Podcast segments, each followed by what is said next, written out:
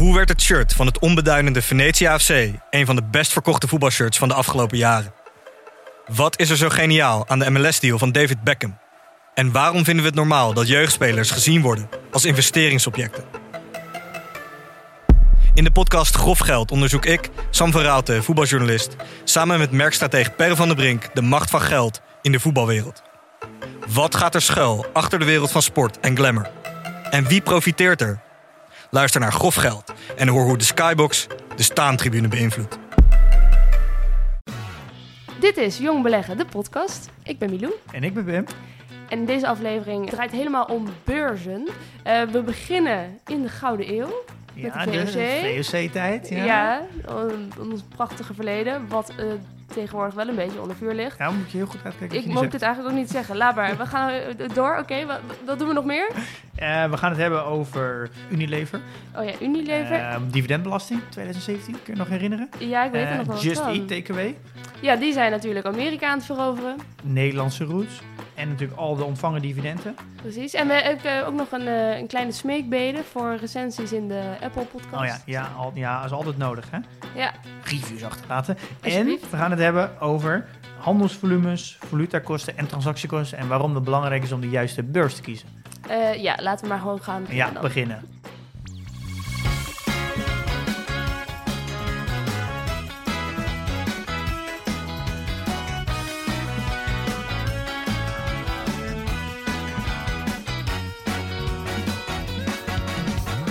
Je hebt een hobbelige week gehad. eh, Ja, Volgens zeg mij. dat wel, ja. Eh, wat- op de beurs dan. Ja, op de, ja, op de beurs, ja. 7% denk ik omhoog. En, eh, of, oh, sorry, 7% naar beneden. En, 7 naar beneden aan het begin van de week. ja, en daarna weer eh, 5% omhoog. Ja, dat is inderdaad eh, eh, vrij volatiel, zoals je dat dan wel eens noemt. ja, het zijn gekke tijden. We gaan het deze week hebben over beurzen. Voordat we gaan beginnen, wist je dat ik een keer de beurs heb geopend hier in Amsterdam? Nee? ik heb, eh, ja, was, was best leuk. Ehm, mocht eh, daar nou, op de gong slaan, de maar er ging een hele rondleiding door dat gebouw vanaf. De beurs van Berlage, de, de beroemde architect. En eh, nou ja, je ziet dan ook van bovenaf heb je zo'n soort galerij waarop je staat. En dan zie je beneden die beursvloer. Ja, de beurs. Ja. En dat, dat kende ik wel een beetje van de foto's. Ik kon net zeggen, ja, de, de schreeuwende mannen in, eh, in, Ja. in die eh, beetje blauwe jassen allemaal naar een schermpje zitten te wijzen. Ja, nou, de- de- helaas was het dus, viel het best wel mee. Het was best wel rustig. Er zaten wel een paar mannen met hele grote schermen te kijken naar die dingen. Maar ik zag wel levendig vormen in mijn fantasie. Inderdaad, mensen die aan schreeuwen zijn, papieren aan het Ja, gooien ja, ja. en door de telefoon aan het tetteren. Maar ja, die waren er dus helaas niet. Nee, ja, die tijd is eigenlijk helemaal over. En het is allemaal digitaal geworden. Het zit allemaal, allemaal achter de computer. Ja, dat zien we niet meer. Maar dat betekent natuurlijk niet dat ze, dat ze er niet meer zijn. Eh, nee, dan, dan doen ze dat alleen achter de computer. Maar Ja. dat, dat is nog wel hoe het, het beeld denk ik leeft bij mensen. Dat Ja. er, eh, dat er men, mensen rondrennen Ja. op een beursvloer en eh, allemaal schreeuwen alsof het een soort van markt is en eh, naar schermpjes aan te wijzen. Waarom bestaat het eigenlijk? Waarom, waarom zijn beurzen er? Ja, dat is misschien dat is wel een hele goede vraag, maar dat is eigenlijk ook een stukje gewoon praktisch.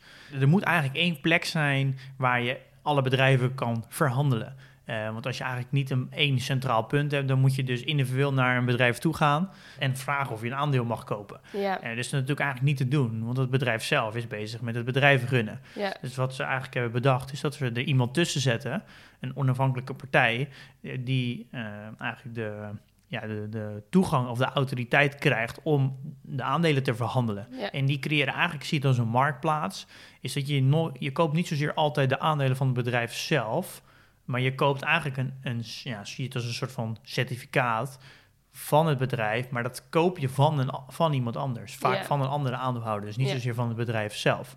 En er zit eigenlijk een, eh, een ja, persoon tussen, dus een, een instantie, een uitgever, die, eh, die dat eigenlijk faciliteert en zorgt ook dat als je een transactie doet, dat het ook een eerlijke tra- transactie is. ja. Ik kan misschien vergelijken met, eh met Ticketswap. En je verhandelt eigenlijk een ticket onderling. En dus niet zozeer van, de, van het festival zelf. Ja. Eh, maar Ticketswap die checkt of het ticket wel daadwerkelijk een, een veilig is. En of het wel bestaat. En of die niet dubbel of die niet gekopieerd wordt. ja Dus die staat eigenlijk garant voor, eh, voor kwaliteit. Ja. En dat zo kan je de beurs een beetje zien. Ja. Het is een plek waar je dingen kan verhandelen. En eh, sinds wanneer bestaan die dingen? Waarom, wanneer hebben we dat ooit bedacht? Ja, dat is een, eh, een Nederlandse uitvinding. Waar wij allemaal niet groot in zijn geworden. Ja. Echt? Wat dan? Eh, in, de, in de Gouden Eeuw, dat is de tijd van de VOC. Verenigd ja. eh, Oost-Indisch Compagnie. Ja. In, voor mij, wat was het, ongeveer 1608, een beetje 1604, rond die tijd. En daar zijn, eh, nou ja, Nederlanders hebben natuurlijk een, toen een tijd veel schepen gemaakt. En die zijn gaan varen om specerijen te halen.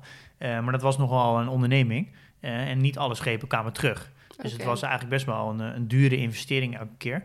Eh, en om steeds meer schepen weg te kunnen sturen, hebben ze eigenlijk bedacht dat ze geld op gingen halen bij de burgers. En dat de winst die dan daaruit kwam, die werd ook weer verdeeld onder degene die bijgedragen had om die schepen weg te sturen. Ja. Hoe meer het rijkdom verdeeld wordt, hoe meer het hele land natuurlijk een welvarender wordt. Ja. Buiten alle andere omstandigheden om ja. natuurlijk. We laten de koloniale perikelen even Ja, die eh, laten we maar buiten deze podcast. Ja. Ja, ja. Ehm, En, en, dus de allereerste beurs ooit was Nederlands. nou, het is niet de beurs, de allereerste aandelen zijn uitgegeven. Oké. Eh, ja, het is eigenlijk een Nederlandse uitvinding, Ja, aandelen. wauw. En eigenlijk, ja, de, nu, toen heette het nog geen dividend, maar toen werd er dus ook een stukje van de specerijen werden, eh, werden eigenlijk weggegeven aan degene die hebben meegeïnvesteerd. En dat kan je eigenlijk zien hoe we dat nu dividend noemen. Ja. Ja, goed zeg. Ja, En nu hebben we dus, nou, eh, dus inmiddels zijn we eh 400 jaar verder. Ja. ja. Eh, hoe, wat is een beurs nu precies? En hoe zit dat in Nederland? Ja, ja, je kan een beurs eigenlijk zien als een, als een plek waar je aandelen kan verhandelen. Ja. Ja, ze noemen dat ook wel een, ja, een effectenbeurs. En effecten zijn verhandelbare rechten eh, van wat een financiële waarde vertegenwoordigt. Aandelen. Dit- We noemen het aandelen, ja, maar ze noemen technisch gezien is het, zijn het effecten. Oké, ja, dat Eh. lees ik ook wel eens. Ik vraag me ook altijd af, van, is er dan verschil met een effect en een aandeel? Maar een aandeel is dus een effect. Ja, klopt. Zijn er nog meer effecten? Ja, je hebt bijvoorbeeld obligaties Oh ja, en opties heb je dus, eh, dat is een bredere term. Ja, Eh, en een beurs, daar kan je eigenlijk effecten verhandelen. Ja. En daar is- aandeel daar een, eh, een onderdeel van. In Nederland zijn er drie beurzen. Dan nou de AEX, die kennen we allemaal, denk ik. Dat is de hoofdbeurs, ja, de large cap. Daar zitten eigenlijk de 25 grootste bedrijven in Nederland in. En dat is de Am- Amsterdam Exchange Index. Dan hebben we de, de midcap, dus eigenlijk de middelste. En dat Mhm. zijn, dan kan je het een beetje zien als de s- nummer- bedrijf 26 tot en met 50. Dus zijn de, de volgende 25 grootste bedrijven. Mhm. Dat is de AMX, dat is de Amsterdam Midcap Index. En daarna hebben we de, de small cap, en dat zijn eigenlijk de kleinere bedrijven. Dat is dan van 51 tot en met 75. En dat is de ASCX, de Amsterdam Small Cap Index. Eh, Maar dus- we hadden het net over beurzen. Dat is dus een plek waar je eh, aandelen kan verhandelen.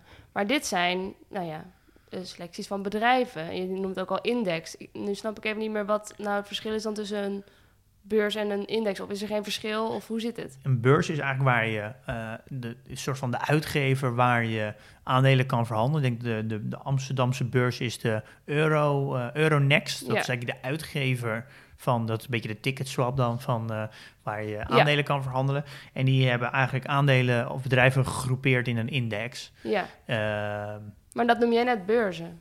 ja, het, is, het, het zit een beetje verschil van hoe je het soort van in de volksmond noemt en hoe je het een beetje technisch in elkaar zit. Ehm, maar er vindt ook dus plaats dat er elk kwartaal kunnen dus bedrijven die een beetje onderin bungelen, dus zeg even 24 en 25 eh, van de lijst, die kunnen dan eruit vallen en die gaan naar, naar de midcap. En dan kan, kunnen bedrijven die bovenin in de midcap zitten, kunnen dan naar de AX gaan. Dus het Ja. ziet een beetje als de, de Eredivisie en de, Ja. en de ke- keukenkamp... Is het keukencompetitie? Ja, zoiets was het De- inderdaad. Die in de keuken. De, de Jupiler League. Voetbal doet er helemaal niet meer toe, jongens. Nee, het joh. mag toch niet meer? Nee, dat mag toch niet meer. Hè? Nee. Dus daar kan je het een beetje mee zien.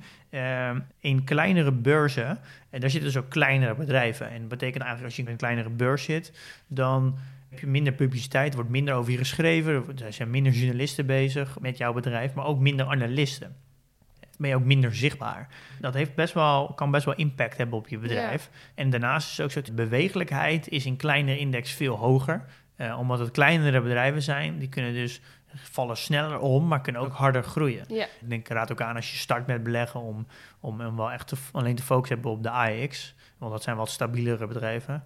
Eh, en bij kleinere bedrijven vergt dat wel veel meer onderzoek om echt Ja. te weten wat je koopt. ja. Ehm, en de, de informatie is ook iets minder voorhanden, omdat er gewoon minder analisten zijn en minder journalisten die erover Ja. schrijven. En waardoor het ook moeilijker is om onderzoek te doen naar het bedrijf. Want zitten er veel bedrijven uit de AEX bijvoorbeeld in jouw portfolio? Eh, ja, ik heb denk ik acht of tien Nederlandse bedrijven in mijn portfolio. Eh, Oké, maar die hoeven niet allemaal in de AEX te zitten. Of zitten ze wel allemaal in de AEX? ze zitten bijna wel. Ik heb er eentje in de small cap. En de rest is wel eh, allemaal AEX. Ja. Ja, En er zijn na- natuurlijk, dit zijn dus de Nederlandse beurzen die we hebben. Maar wat ik dan ook meteen denk is wat je soms ziet bij van die beurs eh, dingen die je voorbij ziet komen. Dan heb je in Japan volgens mij de Nikkei. Ah, ja Toch? klopt. Ja, ja, Ja. klopt. Eh, Yes. En eh, de Nasdaq is dan ook een beurs, maar dan Ja, in de Nasdaq. Amerika, technologie. Ja, goed, goed. Ja. ja. ja. En, en verder nog meer bekende die, eh, die we moeten weten? Nou, ik denk de grootste is de New York eh, Stock Exchange. Oh ja. Dat is eigenlijk de grootste. En ja, dan heb je natuurlijk de, de Londen. En ja, eigenlijk, eigenlijk elke stad heeft zijn eigen, grote stad heeft eigenlijk zijn eigen beurs. Of is er wel Ja. een beurs naar vernoemd. Ja, in New York en de Nasdaq zijn de twee grootste. Daar worden ook wel de meeste aandelen op verhandeld. Ja. Daar heb ik eigenlijk ook al mijn aandelen. Ik, zit, ik heb eigenlijk maar op drie verschillende beurzen. Dat is de Nasdaq, de New York Stock Exchange Ja. en de, eh, en de A- AEX. Oké, en bedrijven die gaan dus naar de beurs voor, om kapitaal op te halen. Net zoals eh, vroeger met de schepen, dan hadden ze inleg van de burgers nodig. Waarom gaan eigenlijk niet alle bedrijven naar de beurs? Waarom wil niet iedereen kapitaal aantrekken? Eh, ja, er zijn wel een aantal eh, scenario's te bedenken waarom het niet gunstig is om naar de beurs te gaan. Ik denk dat het het meest voorkomende is bij oorspronkelijke eigenaren die nog steeds het bedrijf runnen. En ik denk familiebedrijven. Eh, is het zorgt in eerste instantie voor heel veel administratieve uh, rompslomp. Je moet elk kwartaal de cijfers publiceren. Allemaal tijd die je niet kan besteden aan je bedrijf. Er zijn heel veel ondernemers die willen gewoon ondernemen en die willen daar helemaal niet mee bezig zijn. Ja, maar je krijgt er misschien wel veel geld voor terug. Ja, maar dus, ik denk dat heel veel ondernemers daar ook niet alleen maar voor geld in zitten. Oh ja, En heel veel bedrijven he- hoeven ook helemaal geen kapitaal op te halen. Je kan natuurlijk ook kapitaal op een andere manier ophalen. eh, door bijvoorbeeld een lening aan te gaan. Of je bent gewoon een gezond bedrijf en dan betaal je gewoon uit je cashflow. ja. Eh, maar een ander denk, ding is wat ook wel een groot nadeel is, is dat je als je zelf van familiebedrijf, dan ben je, denk je vooral aan de lange termijn. En dan ben je bezig om het bedrijf zo lang mogelijk in de familie te houden. Dus dan maak je keuzes wat soms over 10 jaar of 20 jaar een positief effect heeft. ja. Dan heb je aandeelhouders. Ah, Die zijn vooral, eh, hebben belang bij korte termijn winsten. die willen Die- zich overal mee bemoeien. Ja, en die willen dus vooral rendement maken op de korte termijn. Ja, Dus als jij zegt, nee, we gaan het personeel heel goed betalen nu, want dat zorgt ervoor dat ze een laag verloop hebben en dan leggen we de winsten over 10 jaar, 20 jaar. Zegt een aandeelhouder, nee, ik wil nu geld verdienen. ja, Eh, dus hoe meer aandeelhouders je hebt, hoe meer druk je krijgt op aandeelhoudersvergaderingen, ja. dat dwingt je eigenlijk om steeds meer keuzes te maken op korte termijn. Ook al heb je misschien nog steeds wel een groot gedeelte van de stemrecht, ja. word je op een gegeven moment wel overgeleverd aan de aandeelhouders. Ja, Je verliest een groot deel van je autonomie. Ja, absoluut. Ja. En ik denk dat er ook heel veel bedrijven zijn, vooral oudere bedrijven, daar is eigenlijk niemand meer eigenaar. De oorspronkelijke eigenaar is al overleden of is al weg. En daar is het gewoon zo, iedereen, eh, ja, eigenlijk iedereen heeft een stem. Iedereen die eigenaar is, heeft een stem. Die kunnen dan dingen er doorheen drukken. Ja. En dat kan zomaar zijn dat het dat management of de CEO, eh, ja, die uiteindelijk danst die gewoon naar de voorwaarden van de aandeelhouders. En als die vinden dat je het niet goed genoeg doet, dan word je er gewoon uitgebonjourd. Heb jij wel eens voorwaarden gesteld? Jij bent inmiddels ook aandeelhouder van eh, sommige bedrijven. Nou, ik denk, dat- denk dat dat niet zoveel effect heeft. Ik wil wel graag eh, naar een aandeelhoudersvergadering gaan dit jaar. Om dat eens mee te maken. Mhm. Maar dat is meer gewoon puur uit interesse hoe, dat, hoe die dynamiek gaat. Ja. En, maar ik, ben daar niet, ik ga daar niet heen om, om druk uit te oefenen. Nee. Het is meer gewoon interesse. Eh, ik denk Ja. dat de HEMA daar een mooi voorbeeld van is. Ja. Is overgenomen door private equity. Heeft het helemaal uitgemolken. Ja, en het zit nu zo diep in de schulden. eh, dat het op, ja, helemaal op het begin had het een hoog rendement. Het was nog niet beursgenoteerd, maar voor, voor degene die aandeelhouder was toen de tijd. Ja, dat is nu gewoon, het zit zo diep in de schulden. Het betaalt 50 miljoen aan rente per jaar. Het kan zijn hoofd niet boven Ja. water houden. En dat heeft gewoon te maken omdat er een partij is geweest die op korte termijn winsten wil realiseren. Ja, Maar, die, maar die partij is al lang weer weg. oké. Eh, Maar ehm, je zegt nu dat HEMA dus nog niet de beurs. nee, ze is geen beurs. Hoe kun je dan wel aandeelhouders hebben? Eh, maar je kan natuurlijk gewoon... Aandelen zijn in principe... Die kan je verhandelen. Als ik eigenaar van een bedrijf ben en jij wil die kopen... dan kan je naar mij toe komen. Dan zeg ik, Pim, ik wil, Ja, precies. ik wil 25% van jouw bedrijf kopen. En dan zeg ik, nou, dat mag, maar dan wel tegen deze prijs. En dan Ja. zeg je, ja, maar dat vind ik te veel. Of, Nee, precies. Dus Ja. dan moet je weer naar, die aandeel, naar, de, naar dat bedrijf toe, Ja. waar je het in het begin over had. ja, Ja. Ehm, en eh, als je beursgenoteerd bent, dan zijn de aandelen vrij verhandelbaar. Ja. Dus dan kan, je, kan, kan iedereen ze kopen. Ja, precies. Kun je er met elkaar, eh, zonder dat het bedrijf daar nog iets mee Ja, te maken heeft. klopt. Ze zijn gewoon vrij verhandelbaar. En misschien ook nog wel een groot verschil is, is als een bedrijf beursgenoteerd is, heeft het dus elke moment van de dag een waardering.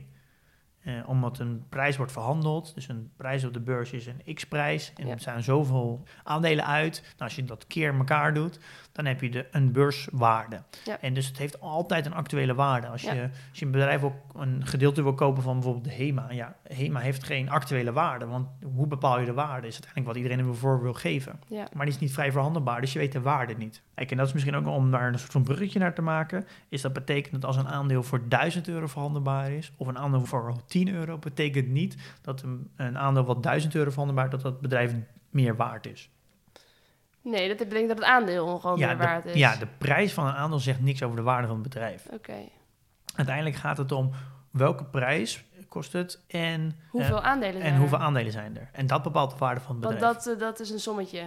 ja, gewoon keer. Ja. Eh, en hoe je dan de eerste instantie de, de waarde van een bedrijf wordt bepaald, is dat wordt eerst instantie gewaardeerd. Dus bij een beursgang wordt het gewaardeerd door heel veel verschillende analisten, Mhm. door, eh, door financiële instanties. Die doen allemaal een waardering. Bijvoorbeeld bij eh, Dow Egberts, die eh, naar de beurs is gegaan, daar kwamen ze uiteindelijk een range van tussen de van 18 en de 30 miljard uit. Dan, wordt het, dan wordt het aangeboden aan grote instanties met al die analyses erbij. En dan kwam het volgens mij uit op toen de tijd op 22 of zo, 24 miljard. En dan deel je eigenlijk die prijs door het aantal aandelen wat je wil gaan aanbieden. Ja. En dan heb je een aandeelprijs. ja. Eh, en zo wordt eigenlijk in eerste instantie de prijs bepaald. Weet je, moet je een hoop aandelen hebben.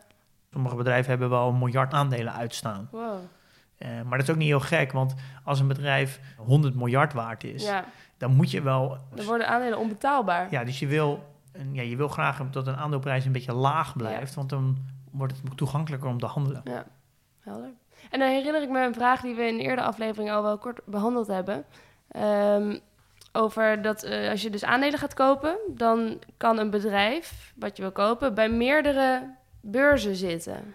Ja, het, Dus kun- ja, het kan een- meerdere beursnoteringen hebben. Ja. Ja, dat klopt. Ehm, dus een, nou, ik denk dat een mooi voorbeeld is eh, Shell. Dat is een heel groot bedrijf en het is verhandelbaar op twee verschillende beurzen. Ja, Eh, dus in Londen en in Amsterdam. Misschien om te beginnen is dat een aandeel heeft altijd een unieke code. En dat is een ISIN-nummer. Eh, en daar kunnen we, dat is vergelijk met boeken. Volgens mij hebben boeken dat ook. Elk boek heeft zijn eigen, ja het boek heeft ISBN. ja, zijn eigen code. Met aandelen is dat ook zo. En dat is wel goed om te weten, is dat eh, je zoekt vaak een aandeel op een naam. Maar sommige namen lijken heel erg op elkaar. Nou, dat is misschien wel een mooi voorbeeld. Misschien hebben de meeste mensen dat ook wel gehoord. Is dat Zoom, nou, dat kent iedereen wel. Dat, is- dat, is, eh, dat eh, video bellen Ja, wat heel bekend is geworden. Maar er was Ja. ook een Chinees bedrijfje en dat heette Zoom Technology. En dat lijkt natuurlijk heel erg op Zoom Ja. videocommunicatie. Ehm, en dus heel veel mensen hebben dus het aandeel Zoom Technology gekocht. En dat was eigenlijk het verkeerde bedrijf. ja, Omdat we gewoon gezocht hebben op Zoom en dan bovenin de e- eerste resultaat het aandeel gekocht. Ehm, dus het is altijd goed om even dubbel te checken of het ISIN-nummer ook overeenkomt met het bedrijf zelf. ja. Dat is het eigenlijk de unieke code die overal hetzelfde is. ja. Kun je dat Ja. googlen ook, van zo'n eh, aandeel? Ja, ja. Ook als je naar de, de website gaat van het bedrijf zelf, staat ook altijd een nummer. Dat is een unieke nummer voor het bedrijf Ja, zelf. ja. Ehm, en Er daarnaast... zijn veel mensen daarmee de mist in gegaan, denk ik, afgelopen tijd. Want Zoom is natuurlijk wel iets waarvan mensen dachten, daar ga ik in investeren. Een vriendinnetje van mij, van uit mijn hockeyteam, die vertelde gisteren ook... dat ze dus even in Zoom was gaan zitten, maar toen ze hoorde dat het negatief in het nieuws kwam... heeft ze alles, nou ja, snel weer verkocht, toch? Dus ik heb haar aangeraden even naar deze podcast te luisteren natuurlijk. Oh, kijk, goeie, Van hoe je goede daarmee tip. omgaat. Ja. Ehm, maar, maar denk je, dat- ja, is het een veelgemaakte fout geweest de afgelopen tijd? Nou, dit is een beetje eh, expres gedaan. Volgens mij schijnt het een Chinees bedrijf die stiekem een beetje ach- achterom eh, zijn naam heeft veranderd. Oh, Eh, dus het is een beetje een truc geweest volgens mij. Ze Oh. zijn ook van de beurs gehaald eh, toen het echt een beetje bekend was. Want Ja. ze waren in, nou, volgens mij honderden duizenden procenten gestegen. Ze gingen volgens mij naar de beurs voor, voor 0,03 cent. En het aandeel werd op een gegeven moment verhandeld op met 20 dollar. wat dachten ze? Er komt niemand achter? Ja, ik weet het ook niet. Ja, Ja, wat een boeven. maar het is een. het komt niet zo vaak voor. Heel veel namen zijn wel uniek. Maar ik, ja, ik zou er altijd even dubbel checken. Ja.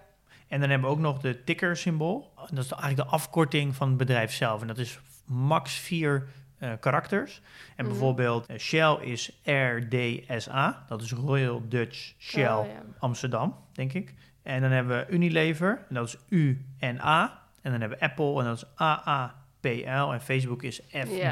En als je dus, Meestal een afkorting. dat zijn afkortingen en die worden ook heel veel gebruikt. En die gebruik ik ook in mijn sheet. Dus in plaats van de volledige naam typen, eh, heb je gewoon een ticker-symbool. En dan doe je de beurs erbij. En dan heb je dus een unieke combinatie. En dan weet je ook, dan krijg je alle data binnen. Ja. En dus zo kan je ook heel makkelijk koersen, eh, Ja. informatie opzoeken. Het had mij veel handiger geleken als ze het net zoals de voetbalclubs aan zouden pakken. Dat ze gewoon een beetje die eerste letters pakken. Dat je bij Unilever Unil krijgt en bij Shell gewoon Shell.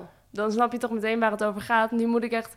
Wat, wat is RDSA? Nee, Oh, dat ja. komt eigenlijk omdat, omdat Shell ook in, in Londen is genoteerd en dat dus dan B. Dus het is RDSA en RDSB. Oh ja, natuurlijk. Eh, kijk, en eh, ze proberen het wel zo kort mogelijk Oh, maar dan maken. is het niet van Amsterdam misschien, maar van eh, Ja, ik denk, ik denk, A en B. Ja, dat denk ik ook. Dat, C en D en E. het is, zal wel A en B zijn, denk ik. Niet Ja. Amsterdam, maar dat klinkt eigenlijk wel leuk. Ja, vind ik ook. We houden het Eh, toch op eh, Amsterdam. Zoals iets waar je, waar je op kan letten, is ook gewoon, op een gegeven moment ga je dat wel herkennen. En dat maakt het ook makkelijker als je aandeel, aandelen zoekt, hoef je niet hele naam te typen. Ja. Dat zijn eigenlijk de, de unieke eigenschappen dan van een aandeel waar je een aandeel mee kan vinden. Ik denk een mooi voorbeeld is denk ik Shell. Als je bij de Giro inlogt en je typt daarin Shell, dan krijg je daar heel veel eh, mogelijkheden. En het is allemaal de, dezelfde ISIN-nummer. Alleen dat het is allemaal hetzelfde. het is hetzelfde Shell. bedrijf. Het is alleen op meerdere beurzen verhandelbaar. Ja. En welke moet je dan kiezen? het maakt in principe niet uit, want het is allemaal hetzelfde bedrijf. Alleen, ik zou wel op een aantal elementen letten. Persoonlijk kies ik eigenlijk altijd voor de thuisbeurs. Het bedrijf heeft altijd een, een originele afkomst. En heeft vaak het hoofdkantoor ook op die plek staan. Mhm. Ja. Eh, dus dat noemen ze een beetje de, de thuisbeurs, de, thui- de thuisnotering. Nou, Shell heeft hoofdkantoor in Den Haag. Dus je kan dan zeggen, Nederland is het thuisland, dus de AX is de thuisbeurs. De thuisbeurs heeft vaak ook de hoogste handelsvolumes. En waar, dat is eigenlijk heel belangrijk, omdat je daardoor makkelijker aandelen kan kopen en verkopen. Omdat er gewoon meer aandelen verhandeld worden. Oké, dus Ja. er zijn, eh, met handelsvolume bedoel je, de meeste aandelen daarvan die zijn op bij de thuisbeurs. Ja, meestal wel, ja. Dus als je Ja. bijvoorbeeld kijkt naar... Ik heb de exacte cijfers niet voorhanden, maar... het zegt dat er bijvoorbeeld in Amsterdam wordt Shell... eh zegt per dag 100.000 keer verhandeld. En in Londen bijvoorbeeld 20.000 keer. Ja. Eh, dan is de kans natuurlijk groter dat je je aandelen sneller kwijtraakt in Amsterdam. Ja. Want daar is gewoon een hoger verloop. Er is meer vraag en aanbod. Oké, en de prijs is altijd hetzelfde. De prijs is exact hetzelfde. Ja. Nou ja, de, ze hebben natuurlijk eigen aparte prijzen, maar uiteindelijk ja, wordt dat uiteindelijk uitgeleverd. Want als het bij de ene beurs iets goedkoper is, dan gaat hij automatisch bij de andere beurs wordt hij ook iets goedkoper. Dus dat levelt zich uiteindelijk uit. Ja. Dus dat maakt niet uit. Oké, Misschien wel nog waar om goed op te letten, eh, is dat het natuurlijk twee verschillende beursnoteringen heeft in twee verschillende landen. En het geldt namelijk altijd in, de, in de, het soort van het belastingregime van dat land is van toepassing. oké. En dat kan nog wel, eh, dat, ja, dat kan nog wel veel schelen. Bijvoorbeeld in Londen, daar hebben we de pond. Wij betalen hier in euro's. Dus als wij Shell willen kopen in, op de, de beurs in Londen, moeten we dus eerst de euro Omwisselen. omwisselen naar pond. Dan kopen we de pond. Ja. En met de pond kopen we een Shell-aandeel. En maar Shell keert dus ook het dividend uit in pond. En dan ontvangen we dus de, de dividend in pond. En dan moeten we daarna weer omwisselen naar euro. Nou, dat zorgt natuurlijk voor extra kosten. Je hebt dan valutakosten. Dus Hmm. dan is het eigenlijk niet handig om het aandeel te kopen in pond. Dus dat is al één punt waar je op moet letten als je een beurs kiest. Is in welke currency. Mhm. Eh, en daarnaast heb je ook nog de transactiekosten. En dat verschilt natuurlijk heel erg bij welke broker je zit. Ehm, maar elke beurs die heeft, ko- maakt kosten. Dus, dus, nou, Euronext is de uitgever van de Nederlandse beurs. Ja, dat is een, een commerciële partij Ja. eh, die aandelen aanbiedt. Maar ja, die, die moet ook betaald worden. Ja, het ligt een beetje aan de broker wat, je, wat ze rekenen. Mhm. Eh, maar ik zit, ja, ik zit zelf bij de Giro en daar hebben ze dus het prijsmodel dat je 2,50 per jaar betaalt per beurs.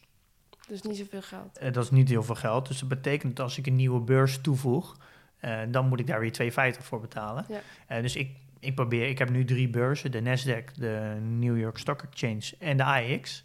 Dus ik probeer eigenlijk het bij drie, drie beurzen te houden. Dus Oké. dan betaal ik 7,50 per jaar. Ja, Dus het- ja, dan heeft het voor mij niet zoveel nut om nog één extra beurs toe te voegen voor één aandeel. Ja. Ehm, en daarnaast heb je ook gewoon de transactiekosten. En dat verschilt ook per broker. De Giro biedt hele goedkope transactiekosten aan voor Amerikaanse beurzen. Ja. Vooral de New York Stock Exchange en de Nasdaq. Daar is de startbedrag 50 cent. En voor Nederlandse aandelen is dat 2 euro. Maar voor, bijvoorbeeld voor de beurs in Milaan in Duitsland betaal je soms wel 5 of 6 euro als startfee voor een transactie. Ja. Ehm, dus daar kijk ik ook wel naar van wat zijn de kosten op de beurs, eh, de- op welke beurs ik het koop. Dus het is eigenlijk een combinatie tussen valuta, transactiekosten en handelsvolumes. Ja. En ook nog het belastingregime van dat land. ja, dat speelt allemaal mee in het kiezen eh, Ja. voor welke beurs. Ja, voor welke beurs ik ga. Want bijvoorbeeld, een, eh, ik heb een, eh, een aandeel van een, een eh, Canadese bank. Die heb ik dan op de New York Stock Exchange gekocht. Dat is dan niet de thuisbeurs, maar de handelsvolumes zijn best groot nog op de Is New York een Stock Exchange. hypothetisch voorbeeld of een echt Nee, dat heb ik er echt Ja. voor. Heb ik in mijn portfolio. Ja. Eh, maar dan moest ik dus, dat aandeel wilde ik eh, in mijn portfolio bijvoegen. Maar dan denk ik, ja, dan moet ik dus één aandeel kopen op één beurs. In, eh, een Canadese beurs. Dan denk ik, nou, dan kan ik hem net zo goed kopen op de New York Stock Exchange. Mhm. Ehm, dan betaal ik niet extra kosten voor de beurs. Het zijn hele lage transactiekosten, lager dan in, als ik op een Canadese beurs koop. En het voordeel is dat mijn dividendbelasting is automatisch geregeld met het W8-BEN-formulier. eh, Mhm. Waardoor ik dus ook maar 15% dividendbelasting betaal. Dat ik, uiteindelijk- dat ik weer bij mijn IB-aangifte kan terugvragen. Je vertelt het alsof ik een WB8-band formulier moet kennen, maar dat, is dat een hele normale term in die wereld? We hebben daar kort Nee. een vraag over gehad. in Oké. Volgens mij vijf afleveringen terug over de dividendbelasting. Ja. Ehm, elk land heeft zijn eigen dividendbelasting. Oh ja, over Eh, dividendlekkage. elk, elk ja, belastingstelsel heeft, altijd, maar de meeste hebben dividendbelasting. En het verschilt per land. Eh, in Nederland hebben we een best wel gunstig belastingstelsel. als Het gaat om dividend. Dus dat je betaalt 15% dividendbelasting, maar die mag je bij je IB-aangifte, Inkomstenbelasting. ja, Ja. kan je dat voor mij terugvorderen van je, van je inkomen. Eh, dus dan krijg je het in wezen terug. Eh, maar er zijn ook landen waar je gewoon 30% betaalt. Of 26% bijvoorbeeld Duitsland. Dus als je dan maar 15% teruggaat in Nederland, heb je dus 11%. Eh wat je dus zou je wel weer terug kunnen krijgen, maar dan moet je formulieren invullen. En dan moet Heel je naar, werk. Ja, moet Ja. je naar de Duitse overheid toe om dat terug te vragen. Dat is heel veel werk. Ja, Eh, dus dat, dat vind ik het niet waard. Dus dan heb ik liever dat ik gewoon in landen blijf die of ook al 15% hebben, of dat die een, dan een geautomatiseerde afspraak hebben, zoals met Amerika, via dat formulier. ja precies. Oké. Eh, dus dat is eigenlijk even kort samengevat eh, waarom ik een aandeel eh, op de beurs kies. Ja, Al zijn alleen echt hele grote bedrijven zijn op meerdere beurzen verhandelbaar. Eh, dus kleinere bedrijven die hebben dat vaak niet. nee. Ja, dus dat is eigenlijk waar je op moet letten. En ik denk Shell is wel wat die heel veel Nederlanders willen kopen. Ja. En daar kom je eigenlijk het eerste dit probleem tegen. Dus kies voor eh, De gewoon thuisbeurs. Shell en dat is dus Royal Dutch Shell A. Mhm. En kies dan voor de AEX en dat staat in, in de Giro vermeld als EAM. Dat is volgens mij de, de Exchange Amsterdam. Ja, Oké. Nou, dan denk ik dat we er wel eh, alles nu hebben, hè? ja Goed he- opgelet, inderdaad. heb Ja. je nog vragen over de beurs? Eh, nou, eigenlijk nu even niet. Ik denk, nee. Misschien als ik daadwerkelijk ook bij de Giro ga beginnen, dat ik dan... Poppen er misschien wat vragen op. Dat er dan wat vragen Ja. op, in me opkomen, ja. Nee, dus wat mij betreft kunnen we gewoon het nieuws bespreken van de week. Oké, wat is jou nog iets opgevallen van de week? Nou, ik heb het... ehm, voor mijn werk hebben we het gehad over Unilever, kort. Oh, kijk, ja. Ehm, want dat is natuurlijk, ja, dat is nu een Brits bedrijf officieel geworden. En ik herinner me nog goed natuurlijk het gedoe wat we daarover hebben gehad. Met de afschaffing van de dividendbelasting. Eind 2017. eh, en de Rutte kwam met een voorstel om dividendbelasting eh, af te schaffen Ja. zonder uitleg. Ja, Nou. en eh, dan, ja, dan trekt iedereen natuurlijk zijn conclusie van... eh zijn oude baas een stukje vooruit helpen. Ja, kijk, Uni- kijk, Unilever bestaat uit Unie en Lever. Dat zijn, dat, nou, volgens mij al misschien 100 jaar geleden, zijn, waren er twee bedrijven. Ja. Een Brits bedrijf en een Nederlands bedrijf, die zijn samengevoegd. Ja. Ze hadden altijd een Britse notering en een eh, Nederlandse notering. Maar ja, dat is, heb je twee noteringen, dus twee keer zoveel werk. Klinkt al ingewikkeld. Ja, eh, en het was altijd een strijd aan de top. Gaan daar meer Nederlanders zitten of gaan er meer Britten zitten? ja, en in het verleden waren er wel iets meer Nederlanders. Ja, maar die zijn er wel langzaam uitgebonjourd. Ja, dat gaat. Het is bijna niemand zit er. Ehm, en in eh, Engeland heb je namelijk een belastingregime van 0% dividendbelasting. Oké, dus dat betekent dat je als je dividend ontvangt, dat je daar niet eh, veel aan hoeft terug te geven. geen belasting over te betalen. Ja. En dat maakt het dus aantrekkelijker voor alle Britse eigenaren om het naar een, op een Britse notering te houden. Ehm, en niet de Nederlandse. Dus wat Rutte Ja. wilde doen, is het dividendbelasting afschaffen. ja, Waardoor Nederland de hoop dat Unilever dan op een, een Amsterdamse notering Ja. kreeg. Eh, Ja. Nou, dat is uiteindelijk allemaal niet doorgegaan. nee, maar iedereen viel daar overheen. ja, Hè, over Rutte, dat hij dat zou doen. Ehm, tegelijkertijd kun je zeggen, ja, ze zijn nu wel weg. Ze zijn nu weg. Ja, dan kun je dus- zeggen van, ja, nou, dan gaan ze ook maar. Als, het alleen maar, als ze geen belasting willen betalen op een normale manier. Maar ja, nu krijgen we in ieder geval, hebben we helemaal geen vruchten die we ervan plukken, op, omdat ze met een hoofdkantoor weggaan. Ja, nou, het is natuurlijk wel lastig te zeggen van of het effect echt heel groot is. Nou ja, qua geld misschien wat minder, maar het idee van een groot hoofdkantoor in Nederland houden, dat schept ook weer een soort van perspectief voor mensen, jong talent dat hier werkt. Ja. Die gaan dan naar, eerder naar het buitenland, omdat wij, ja, je gaat niet aan de top komen van... Nou, dat is dus een heel, mooi, dat is heel moeilijk kwantificeerbaar. Eh, want uiteindelijk zit nu, eh, natuurlijk, Unilever zit gewoon in Nederland, vooral in Rotterdam. En dat blijft ook gewoon in Rotterdam. Maar je weet niet wat voor effect dit gaat hebben over 20 jaar. Eh, Nee, maar je kan wel een Ja. beetje een, eh, een ja, ja, het is, blijft, een, eh, blijft heel lastig. En er is natuurlijk wel wat van te zeggen dat je komt Ja. als Nederlander er veel makkelijker tussen als het hoofdkantoor in Nederland zit, Ja. dan als het hoofdkantoor in Londen zit. Dus je komt er al moeilijker tussen en nu wordt het natuurlijk helemaal lastig. Ja, het wordt, ja zeker, dat klopt. Trouwens, die, die topman Alan Job, heet hij, die heeft wel gezegd... Het heeft niks met dividendbelasting te maken. Dat we dit, dat we dit nee, maar dat, dat zou ik ook niet zeggen. Maar, waarom zou, maar dat vind ik dus interessant. Want wij, wij weten dus eigenlijk, van, we denken echt te weten dat dat er wel mee te maken Nou, heeft. Dus ik denk van wel. Het zal Maar natuurlijk- waarom, kan hij dat, waarom zou hij dat niet gewoon zeggen? Van ja, de, dat is het. Ja, maar ja, waarom zou hij het wel zeggen? Maar waarom, ja, goeie, maar waarom niet? Waarom niet? Ja, nee, ja maar dit- het zal misschien... eh, het, zal, het zal veel meer zijn dan dat, alleen dat. Eh, de hele top is nu eh, ja, Brits. Eh, de Mm. grootste aandeelhouders zijn Brits. Ja, waarom zou je dan überhaupt voor een Amsterdamse notering kiezen... als al die mensen al heel erg gefocust zijn op Londen? en ja, dat, er dat je ook nog eens dividendbelasting neemt... dat draagt niet bij Nee. aan die keuze. Ik zou natuurlijk nooit publiek bekendmaken dat je Nee. weggaat omdat, je, omdat iets met belasting te maken heeft. Want dan maak je je natuurlijk niet heel populair. Nee. Het is niet hip om als bedrijf te zeggen dat je weinig belasting wil betalen. Ja. Eh, want ze, uiteindelijk zijn al, bijna ja, elk, elke Nederlander koopt wel iets Ja. van Unilever. Eh, dus je, je wil niet die mensen, soort van de gewone burger, eh, laten merken dat je niet graag belasting wil betalen. Ja, top. Laten we nog meer grote multinationals wegjagen. Ja, ja ik, ik, ik moet heel zeggen dat ik het gewoon niet overzie wat voor impact zo'n keuze heeft. Ik kan het vanuit Unilever heel goed begrijpen. Ik bezit zelf Unilever. Eh, en blijkbaar heel veel beleggers zijn er blij mee, want het aandeel schiet gelijk omhoog. Ja. Nou, En dan ben jij ook blij. Dus voor mij, ja, ik, ik, ik behandel niet in ETF's Ja. of iets. Dus voor mij blijft het gewoon een los aandeel. Ja. Al heb ik nu wel een aandeel in de beurs in, eh, Ja.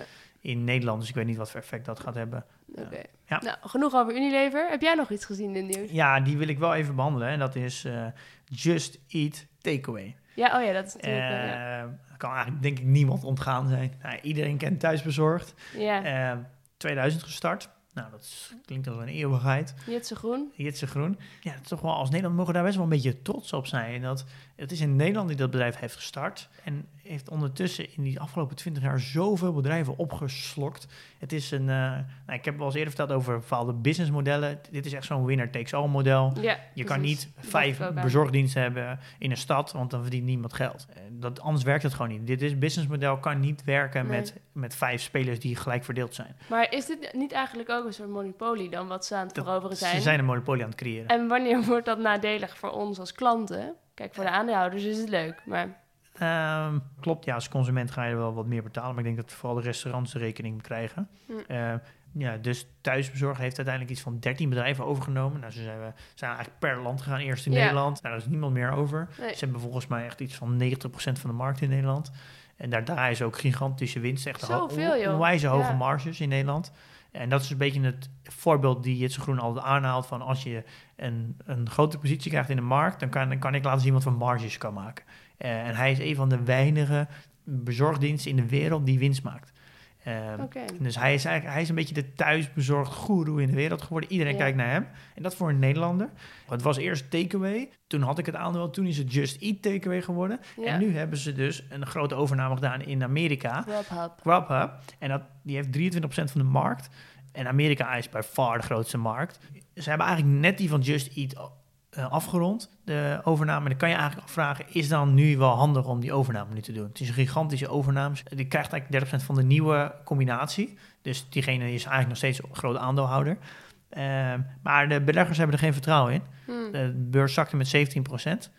En heel veel mensen zien niet de, de kracht van het fuseren. Omdat het een compleet nieuwe markt is. Dus eh, normaal wat er gebeurt is, er wordt een fusie gedaan van twee partijen die al actief zijn in dezelfde regio. Ja. Waardoor je natuurlijk in één keer je marketingkosten kan delen. ja, maar kom op, we hebben het gewoon over eten, toch? En iedereen wil het wereldwijd op bestellen. Of ze hebben de Amerikanen zo'n andere cultuur dat zij heel anders eten willen bestellen. Eh, ja, maar dat bedoelt, omdat Just Eat niet al in Amerika zat, is er natuurlijk eigenlijk geen extra voordeel voor Grubhub. Want er verandert veel Nee, niet zoveel. precies. Maar ja, ik moet zeggen, als ondernemer zijnde, vind ik het wel, eh, ik vind het wel knap hoor. Dat je als. Nederlander zijn, eh, dit zo de wereld overneemt van alle ja. thuisbezorgdiensten. Eh, hij, is gewoon, hij heeft gewoon de grootste thuisbezorgplatform in de wereld. ja En dat, voor een, en dat voor een Nederlander uit, uit. Twente. Ja, nou, ik weet het ook niet. Maar ja, goed, maar het is wel mooi. Dus we aan de ene kant verliezen we een stukje Hollands glorie, want officieel wordt Unilever nu Brits. Maar aan de andere kant hebben we Jitsen. Ja, ik vind dat wel in een, in een nieuwe economie. Ja, ik volg het wel op de voet. Ik vind De het wel interessant. platformeconomie bedoel je Ja. dan, het nieuwe economie. Ja, Ja. ik vind het wel een interessant. eh, Ik moet wel, vraag me wel af in, eh, in hoeverre dit een, echt een goede timing is. Maar soms heb je Ja. daar ook geen keuze. Maar ik, ik denk wel dat uh, Justy Takeaway aan, het, eh, aan het langste eind gaat trekken. Nou, dan weten jullie dat nu ook, luisteraars. Eh, maar we gaan, ja, ik volg het met heel veel interesse. Ja. En, eh, en ik heb eh, misschien een mooi bruggetje. ja, Nou, volgens mij wel. Het zakte met 17 En dus dat kon ik niet laten om nog wat aandelen bij te kopen. Ah, kijk. Eh, dus je hebt een transactie gedaan, dus ik heb een transactie als gedaan. we het over je portfolio hebben. Ja, ik heb eh, Just Eat Takeaway gekocht. Zeven stuks eh, voor 83 euro.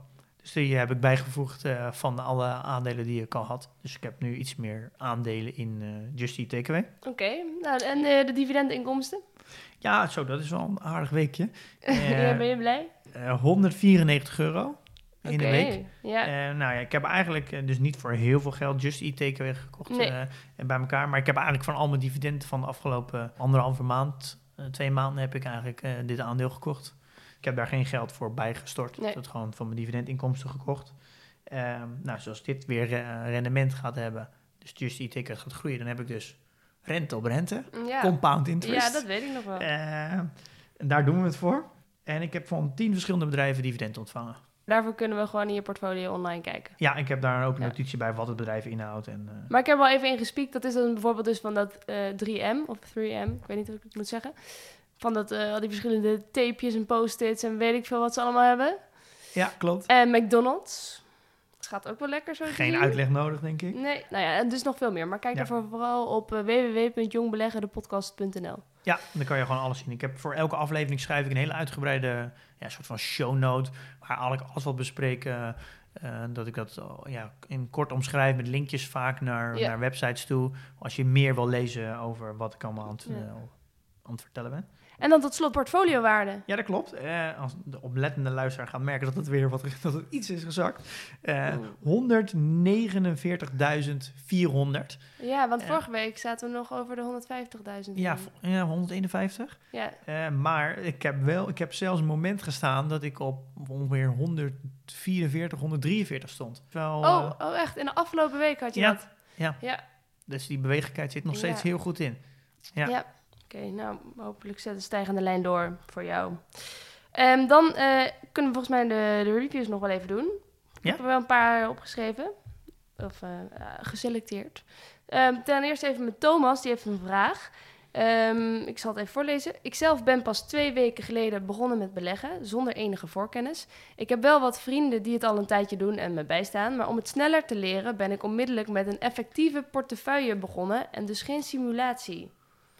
Ik heb, kijk alvast even vragen naar jou wat, wat hij daarmee bedoelt. ja, er zijn tools waar je een soort van met nepgeld kan beleggen als simulatie. Oh, als- om te oefenen. Ja. Aha, verstandig.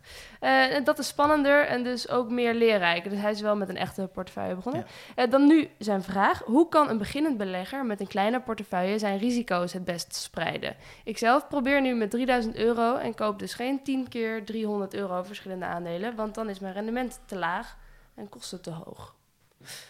Eh, ja, nou, eh, de vorige aflevering hebben we het gehad over, eh, niet de vorige, maar de paar, twee of drie geleden, Oh, hebben we het natuurlijk ja. gehad over spreiden. En er zijn elf sectoren, maar als je, wat hij zelf al aangeeft, als je 3000 euro hebt en je wil verspreiden over elf sectoren, nou hij geeft 10 dan aan, dan ben je, heb je 300 euro per aandeel. Ja, oh, precies. En ja. dan worden de transactiekosten best hoog. Ja, Eh, dus dat is een heel, ja, een bekend dilemma als je start met beleggen van hoe zorg je nou dat je je, ris- je spreiding, dus je risico, eh, kom je ja, goed in balans brengt versus je kosten. Want je kan niet instant alle, gewoon een volledige spreiding hebben, want dan betaal je heel veel transactiekosten. Oké. Eh, dus dit is een hele goede vraag. vraag. Het is eigenlijk een, een vraag, hoe start je nou met beleggen met wat minder geld? Nou, dan hebben we goed nieuws voor Thomas. Dat denk ik ook. Want ik heb mijn account van de Giro kunnen activeren. Woehoe! Ja. En nu ja, kan ik beginnen. En ik dacht, misschien is het leuk als ik voor eh, nou, de komende week zelf een beetje ga uitzoeken van wat ik dan zou willen doen. Ik ga even een beetje de site van de Giro dan verder verkennen. En dan kom ik gewoon volgende week met wat ideeën van wat ik nu zou doen. Ik heb ook geen grote portefeuille, jongens. Of eh, geen groot bedrag waarmee ik kan beginnen. Dus ehm, als ik nou even nou ja, vanuit mezelf dat aan jou kan voorleggen volgende week, mijn plannen. Het lijkt me heel leuk om het dan volgende week met jou daarover te hebben van doe ik het goed? Heb ik goede plannen gemaakt? Ja, dat lijkt me goed. Ja, dus dan ga ik even uitzoeken gewoon hoe het zit. En wat ik moet doen. En wat mij dan de beste manier lijkt om te gaan beginnen. Ja, dus jij gaat een plan maken hoe je gaat starten met beleggen en hoe Ja. je het de komende tijd uit gaat zien. Ja, Ik ben heel benieuwd. ja ik ook. Nou, dan denk ik dat Thomas ook heel benieuwd is. Oké, Thomas, tot volgende week. Ehm, en dan verder nog eh, twee reviews via ehm, de Apple Podcast app. Vijf sterren krijgen we eh, van iemand die schrijft super podcast. Normaal gesproken luister ik via Spotify naar deze podcast. Maar jullie zijn zo goed bezig dat ik speciaal Apple Podcast heb gedownload oh, om een Oh. review te schrijven. Ga zo door. Wat aardig. Ja, super lief. Hier, dit geeft wel heel veel motivatie Ja. om eh, door te blijven gaan. Het is wel ook een beetje belangrijk, toch, voor ons die... eh, Ja, nou ja, we- deze podcast is, doen we volledig gratis voor iedereen. en dat willen wij graag zo houden. En dat, Ja. We hebben ook geen- helemaal geen plan om hier om daar een betaalmuurtje tussen te zetten. Eh, we vinden het hartstikke leuk om te doen. Eh, maar wij wa- vinden het wel heel leuk als mensen reviews achterlaten. En dat zorgt er eigenlijk weer voor dat de podcast eh, ook weer in de toplijstjes terechtkomen van alle podcasts. Waardoor weer meer mensen naar deze podcast gaan luisteren. En Ja, dat- en hoe meer mensen luisteren, hoe meer druk dat op ons legt natuurlijk om het goed te doen. Dus Ja. uiteindelijk hebben jullie er zelf ook iets aan. En hoe betere vragen we krijgen en hoe betere antwoorden wij weer kunnen geven. Ja. Ehm, dus ja, als, ja, het zou heel eh, tof zijn als iedereen, eh, vooral als je een Apple-gebruiker bent, om even naar de Apple Podcast-app te gaan en daar een review achter te laten en een eh, aantal sterren te geven wat je van de podcast vindt. Ja. Dat waarderen wij enorm. Zeker. We kregen ook nog weer vijf sterren van Tom. Dankjewel, Tom. Duidelijk en goed te volgen, zegt hij. Eh, begin wel bij aflevering 1 en luister daarna alle vervolgafleveringen. Nou, dat is wel een goede tip. Zeker als je nog niet zoveel ervaring hebt met beleggen. Als Nee. je echt aan het beginnen bent. Nee, dat is wel een goeie, want de meeste podcasts-app, als je nu begint met luisteren, dan krijg ja, de podcast-app mm, maakt automatisch de volgorde dat je begint met de meest recente. Ja. Nou, wij hebben het op zich wel zo gemaakt dat er best wel een rode draad door de aflevering heen zit. Dus het is wel beter om te beginnen op aflevering 1. Dus als je nu inluistert, ga naar aflevering 1. Ja, Eh, dat is beter dan, van- dan andersom luisteren. precies. Wel lief allemaal, hè? Die, eh, ja, ik vind het superleuk. Ik krijg reviews. ook eh, hele lieve berichtjes. eh, in, op Instagram en in de mail. Dat, ja, dat, dat mensen nu op een veilige manier en enthousiast gaan zijn geraakt over beleggen. Ja, vind ik ook leuk. Maar ik wil ook even benadrukken dat we ook wel wat kritiek kunnen hebben hoor. Dat kunnen we best wel tegen, toch? Eh, tuurlijk. Zeker als het opbouwende kritiek is. Ja, inderdaad. Dan gaat Dus, de kritiek naar Milou en de complimenten naar mij. Ja, precies. Alsjeblieft. Kom alsjeblieft met kritiek. Wat kan ik beter doen? Ehm, geef me richtlijnen, alsjeblieft. Nou, nee. je doet het hartstikke goed. Oké, dankjewel. Jij ook. Wij Nou, geven elkaar wel zo. reviews, jongens. Ja. Ehm, Nou, zullen we er nu mee stoppen? Ja, we houden er weer mee op. Volgende week, nou, ik heb al kort eh, gezegd wat we gaan doen. Ik ga dus eh, beginnen met beleggen. Ja, leuk. Ja, ik ben heel erg benieuwd. Eens kijken of je de, de, de laatste negen afleveringen, of je goed hebt opgelet. Ja, ik, eh, ik heb goed opgelet. ja, Ik heb al zo Want we hebben natuurlijk beloofd dat, na aflevering 10 zou je kunnen beleggen. Ja, precies. Dus kijken of, nu, zo. of ik nu de belofte waar kan maken. Ja, ja, of dat je mijn plan finaal gaat Dus er staat eigenlijk wel wat op het spel volgende week. De hele geloofwaardigheid Ja, van dus eigenlijk mijn jij gaat mijn belofte nu op het spel zetten. Nou, ik hoop dat je heel hard je best gaat Oké, ik zal heel erg mijn best doen. Goed, nou, tot volgende week. Dag. Doei!